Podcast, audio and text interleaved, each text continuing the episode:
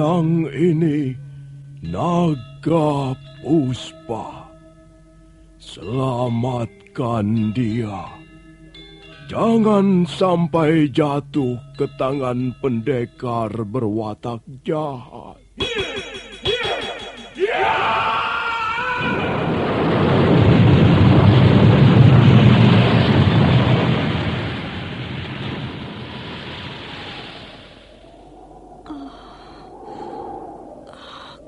Kakang Kamandanu, kau, kau masih juga tidak percaya bahwa aku, aku mencintaimu. Mesin, maafkan aku Mesin. Mesin. Mesin!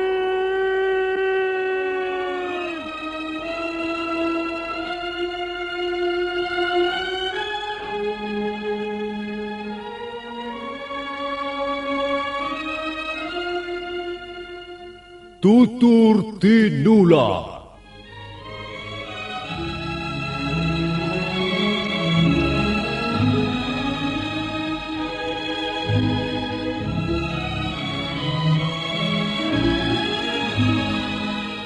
Sebuah sandiwara radio serial, produksi Sanggar Cerita dan Teater Sanggar Prativi. Sebuah kisah dengan latar belakang sejarah runtuhnya Singasari dan berdirinya Kerajaan Majapahit.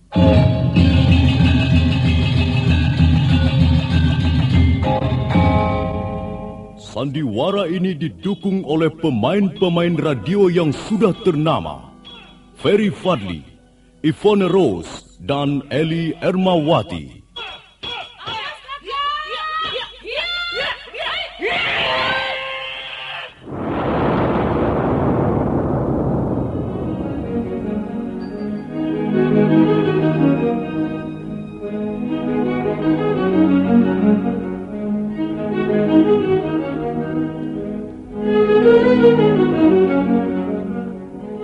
Cerita ini ditulis dan disusun oleh S. Tijab. Teknik dan montase dikerjakan oleh Rudi Tinangon dan Joko SP. Sutradara EWS Yuwono. Kali ini mengetengahkan episode pertama dengan judul Pelangi di Atas Kurawa.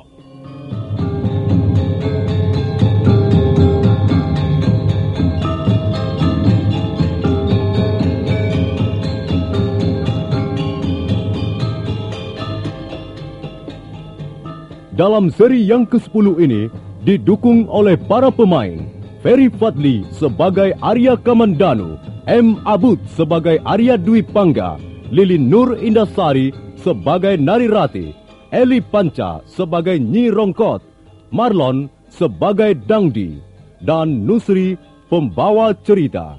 Selamat menikmati.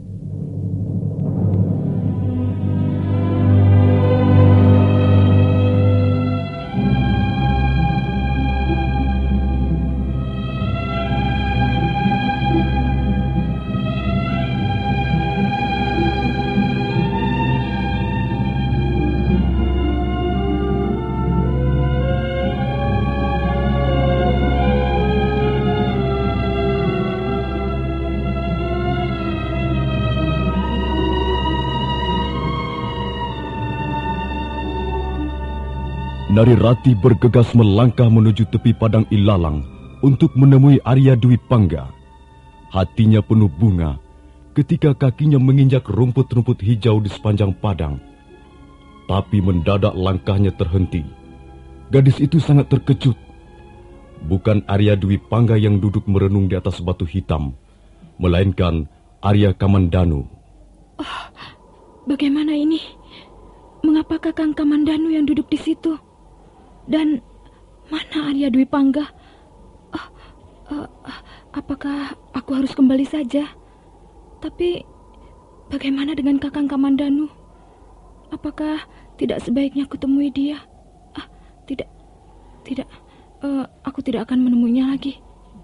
Oh, Nari Ratih, kalau begitu, apakah kau tergolong wanita yang tidak setia?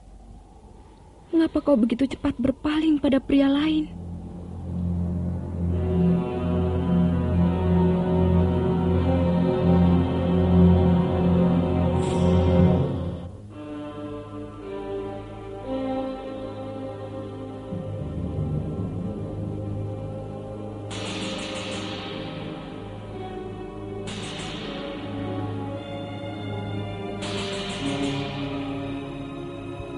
Ketika Nari Rati tengah sibuk tercekam oleh pikiran-pikiran yang berkecamuk dalam benaknya, mendadak tak jauh dari betis kakinya yang indah, muncul seekor ular pohon.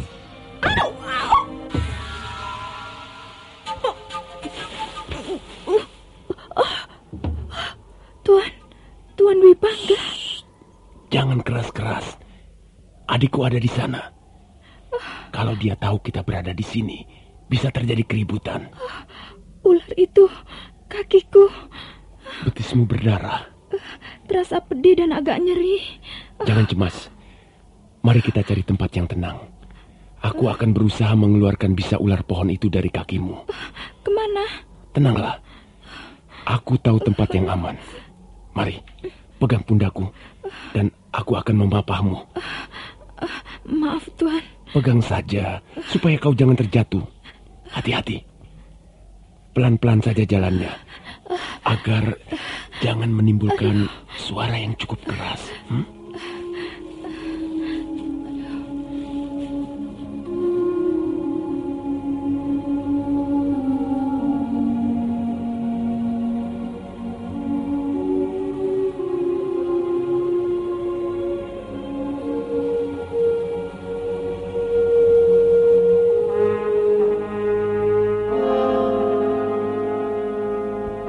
Arya Dwi Pangga memapah Nari Rati.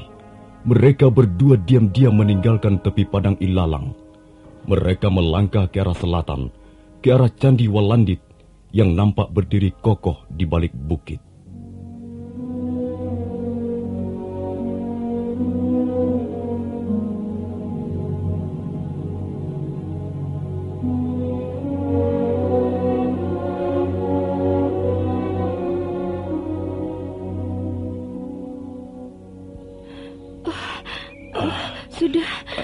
Saja, Tuan.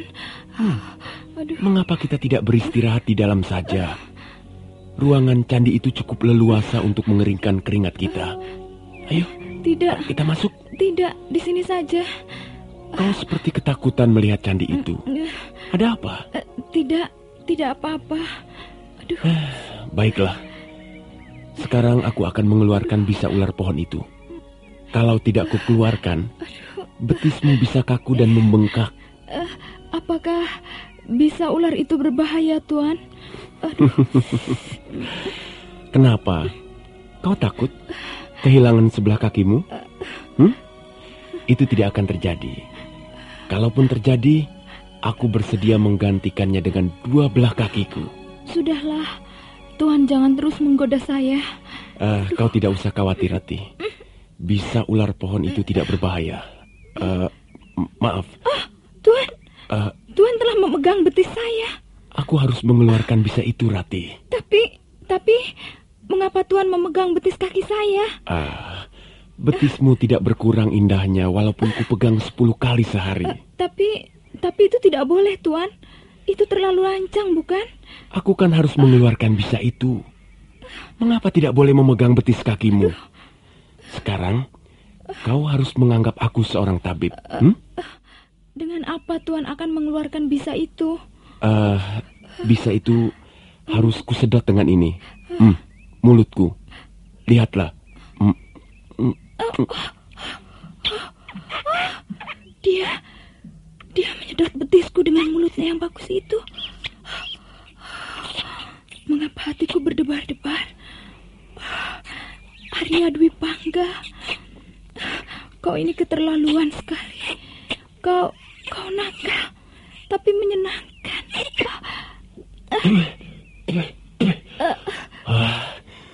lihat, darah bekas gigitan ular pohon itu merah kehitam-hitaman.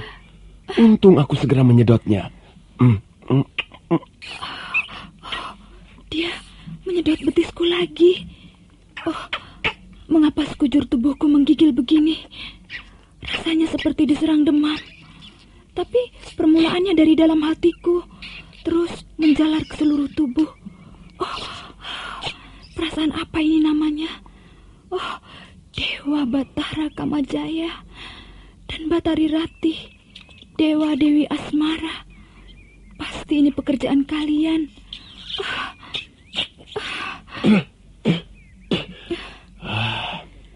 Nah, sudah agak bersih. Sudah tidak begitu hitam lagi. Aku yakin luka bekas gigitan ular ini tidak akan membengkak. Mengapa Rati?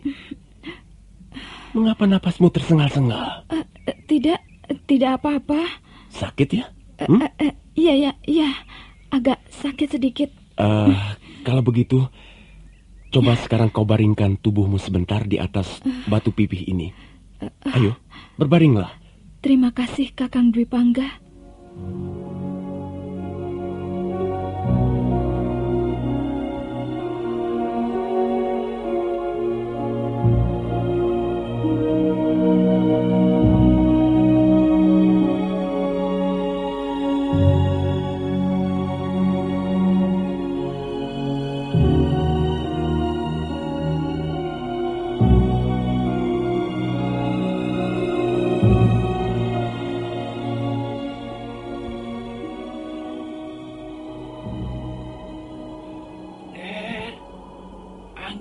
Kamandanu.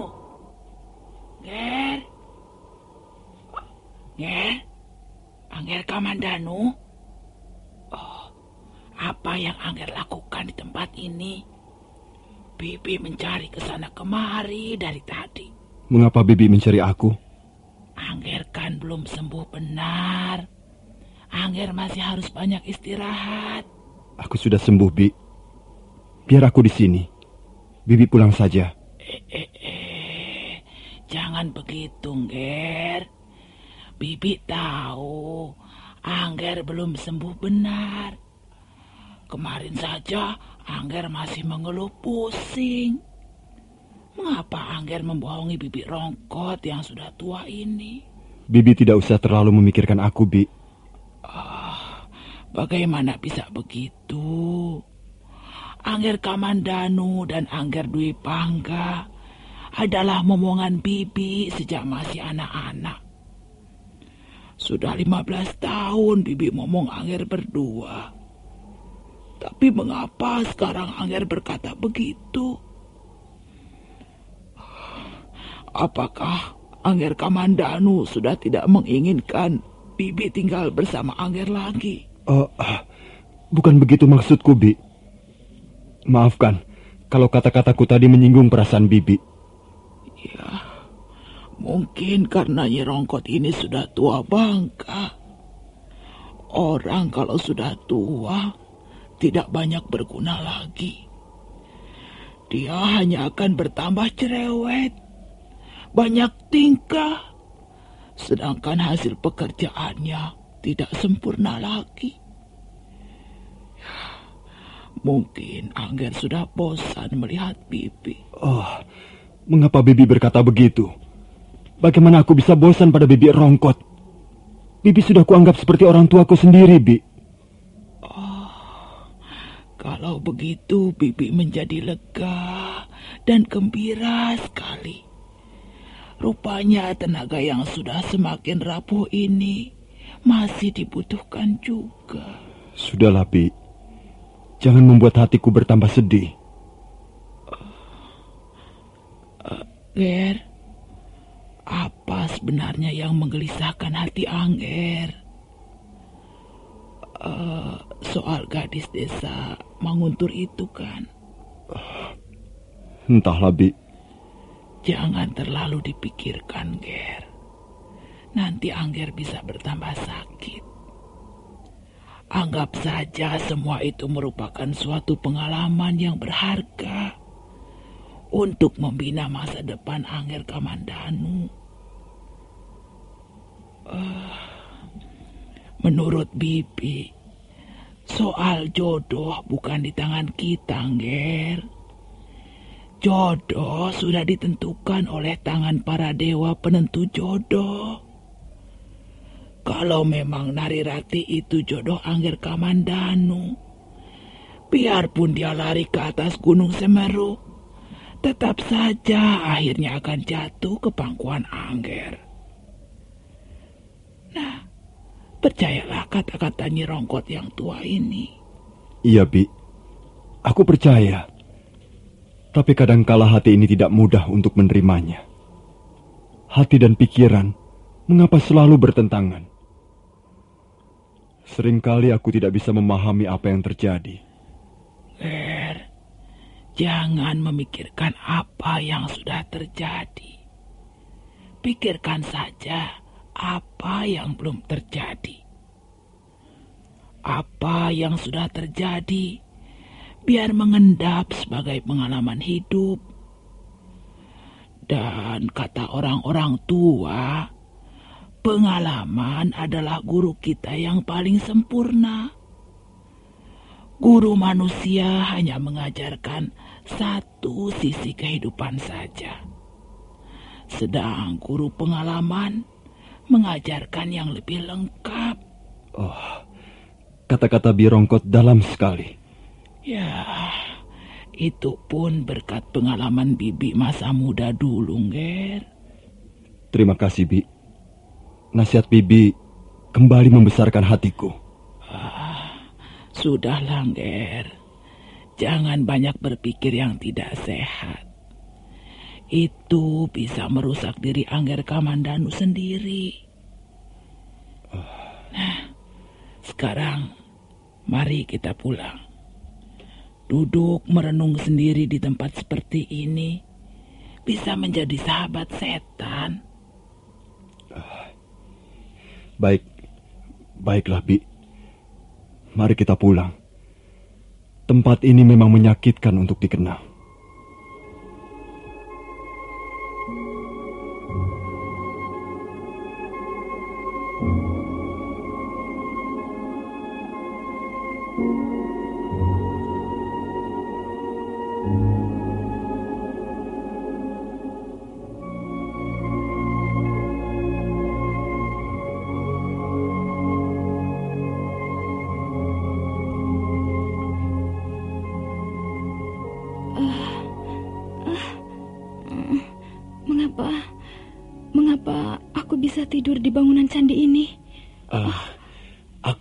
Membaringkanmu di sini, Rati.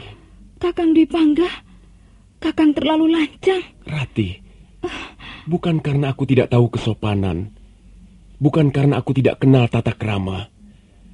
Aku hanya kasihan melihat tubuhmu terbaring di halaman candi yang kotor berdebu. Sementara panas matahari mulai menyengat dari sela-sela pohon. Tapi, ya, kalau kau keberatan, aku pun bersedia memindahkanmu kembali ke sana. Itu tidak lucu, Kakang. Aku bukan barang perhiasan yang bisa dipindah ke sana kemari. Siapa yang mengatakan kau barang perhiasan? Kau adalah seorang dewi. Kau adalah bidadari yang turun dari kahyangan.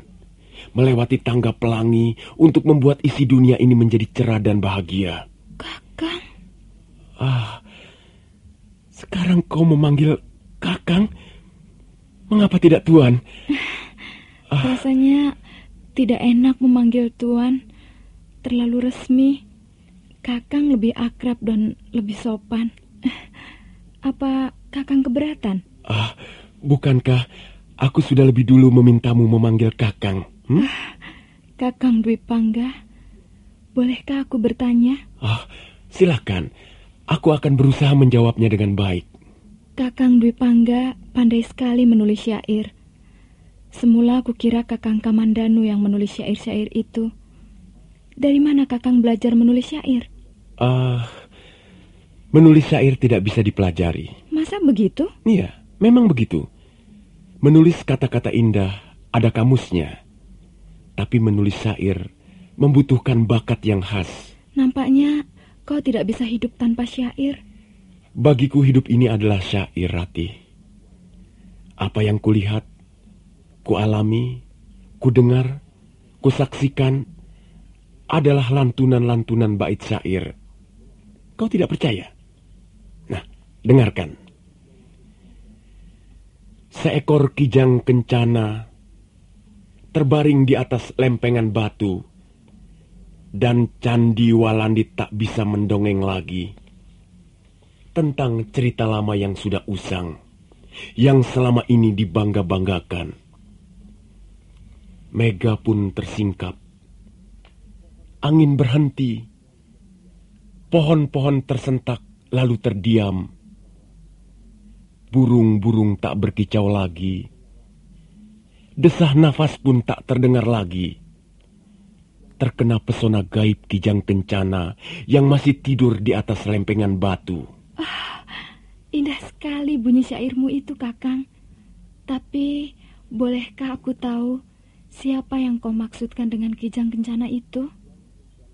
Ah, uh, Kijang Kencana itu bernama Nari Ratih. Ah.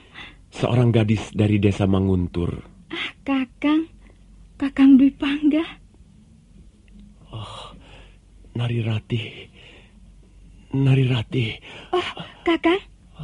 Mengapa? Uh, uh, aku, aku mendengar derap kuda menuju kemari.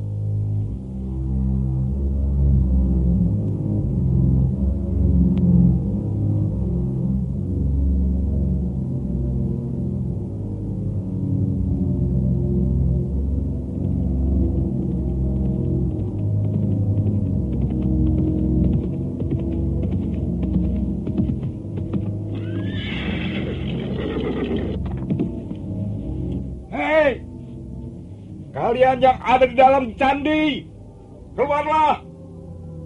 Aku tahu kau adalah Kamandanu dan anak rekian guru. Ayo keluarlah, ini Dandi. Jadi kalian tidak mau keluar? Kalau kalian tidak mau keluar, aku akan mengganggu kalian dengan batu-batu ini.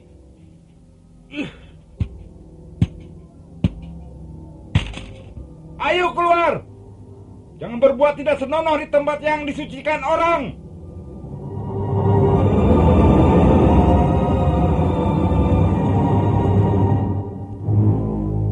Nah, akhirnya kalian keluar juga. Eh, dari Ratih. Wah, rupanya bukan Kamandanu yang menjadi pasanganmu sekarang ya. Kamandanu atau bukan, itu adalah urusanku. Kau tidak usah ikut campur, Dangdi. Baru aku tahu. Nari Rati ternyata hanya wanita murahan. Kau gampang dibawa orang. Dangdi. Oh, kakak, dia dia telah menghina aku. Dangdi, mengapa kau mengganggu ketenangan kami? Aku hanya kebetulan lewat jalan ini. Kalian tidak usah khawatir. Tidak ada perlunya aku lama-lama di tempat ini. Hup, ya. Nah, selamat berjumpa rayu. ya, ya. Oh, Dangdi, dia telah menghina aku, Kakang. Mengapa kau diam saja, Kakang Dwi Pangga? Mengapa kau biarkan Dangdi merendahkan dan menghina Kijang Kencana? Ah, sudahlah, Narirati. Dia sudah pergi. Apa perlunya melayani manusia seperti itu? Manusia mempunyai pikiran dan rasa. Sedang babi hutan hanya memiliki taring yang panjang, tapi tidak mampu melihat daki di tubuhnya. Dan orang seperti Dangdi itu mirip babi hutan. Biarkan saja babi hutan berkeliaran di hutan mencari makanan. Benar, Kakang. Tak ada manfaatnya kita melayani omongan orang seperti Dangdi hanya membuat sakit hati kita sendiri.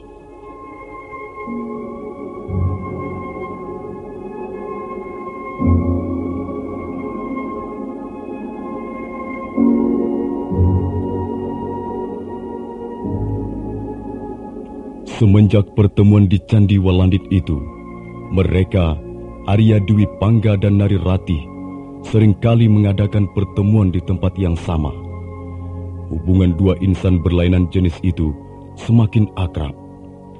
Nari Ratih mulai melupakan Arya Kamandanu Sementara itu, Arya Kamandanu sendiri sudah sembuh dari lukanya. Suatu ketika, dia sedang sibuk mengendarai kudanya. Tak terasa kudanya membelok ke arah tepi padang ilalang. Dan Arya Kamandanu membiarkannya.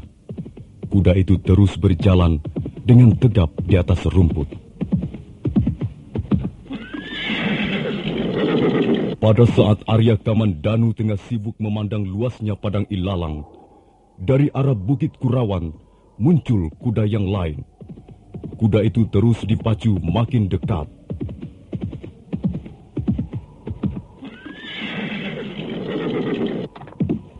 Aha, ada sahabat lama rupanya. Apa kabar Kamandanu? Kau jangan mencari gara-gara lagi denganku, Dangdi. Kalau kau bersama dua orang temanmu itu telah membuatku babak belur, bukan berarti aku lalu gentar menghadapi kalian. Carilah hari yang baik untuk membuka pertandingan babak baru, Dangdi. Aku akan siap melayanimu kapan saja. Sayang sekali Kamandanu. Tantanganmu kali ini tidak menarik seleraku. Lalu apa maksudmu menemui aku? Ah, aku hanya kebetulan saja lewat tempat ini. Kalau begitu teruslah lewat. Baik. Tapi sebelum meneruskan perjalananku ke Manguntur, aku akan menyampaikan suatu kabar penting. Kabar tentang gadismu anak rekian wuru itu. Dangdi, kalau kau mengganggu dia lagi, aku tidak akan memaafkanmu. Sabar, Kamandanu. Jangan menuduh tanpa bukti. Siapa yang mengganggu Narirati? Uh, kalaupun ada, bukan aku orangnya. Apa maksudmu, Dangdi? Kau akan tahu apa yang ku maksud. Kalau sekarang ini berkuda ke Candi Walangdit. Arya Kamandanu tertegun sesaat. Candi Walandit. Apakah ini merupakan siasat Dangdi untuk menjebaknya datang ke tempat itu? Nah, para pendengar sekalian, silakan mengikuti kisah ini dalam seri berikutnya. Seri ke-11 episode Pelangi di atas Kurawan ini. Sampai jumpa.